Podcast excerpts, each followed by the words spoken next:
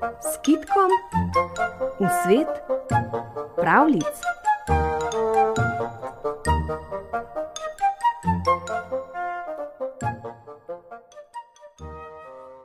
Nekoč je živela žena, ki je imela dva sinova. Prvi je bil pameten, drugi pa ne. Vsi so ga imeli za tepčka. Bili so zelo revni. Že leta so komaj živeli, potem pa je prišla še suša. Koruzno polje se je posušilo in fižol sploh ni pognal. Prašič jim je pobegnil, kokoši niso več nesle jajc, lakota je trkala na, na vrata. Zato je mati nekega dne sinova poklicala k sebi in rekla: Pojdite na trg in prodajte našo kravo.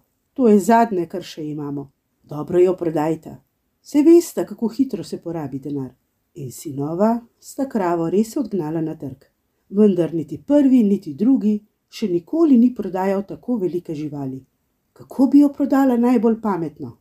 Veš kaj, je rekel starejši. Ti pazi na kravo, samo tukaj stoj in pazi na njo.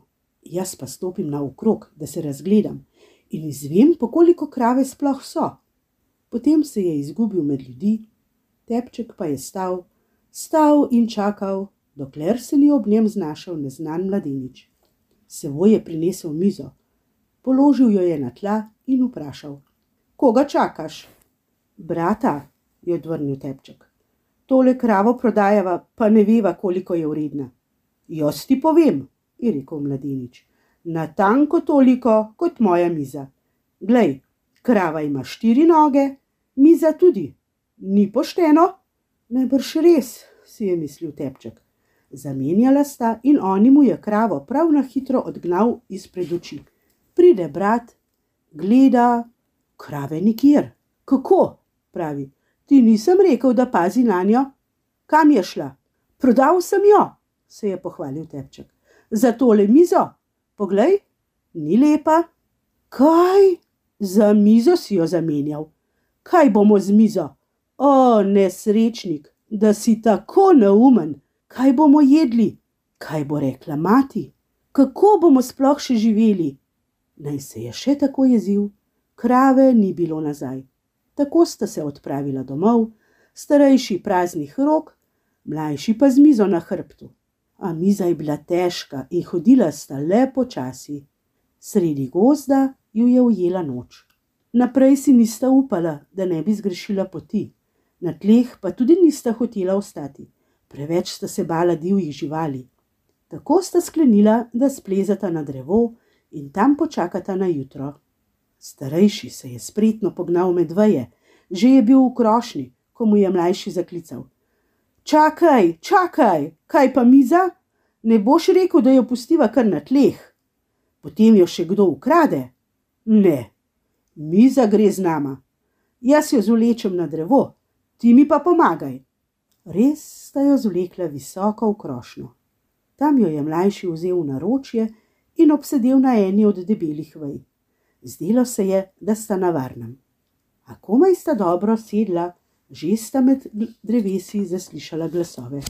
Prišli so razbojniki, vsi nemarni in kosmati, in kot nalašč posedli ravno pod njuno drevo.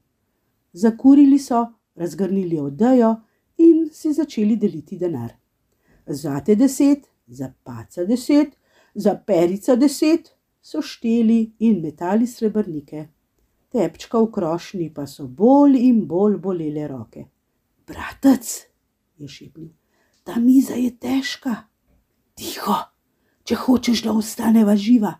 Ampak, bratec, jaz komaj še držim.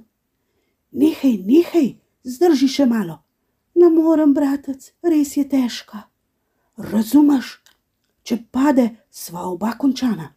A miza je padla, lomila je veje, tolkla ob deblo, da je hreščalo, ječalo, bobnilo, dokler ni treščila naravnost med razbojnike. Ne bo se podira, so se prestrašili in se raztepli na vse strani.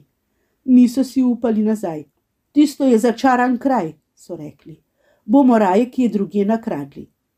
Pobegnili so in za sabo pustili vs nakradeni denar.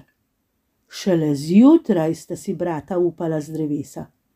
Pobrala sta mizo, odejo in vse srebrnike. in se zadovoljno odpravila domov. Vidiš, je rekel tepček, pa sem kravo vseeno kar dobro prodal. In jo je res, kdo bi jo bolje? V hišo je prišlo bogatstvo in potem so živeli srečno, brez lakote in prejšnjih skrbi.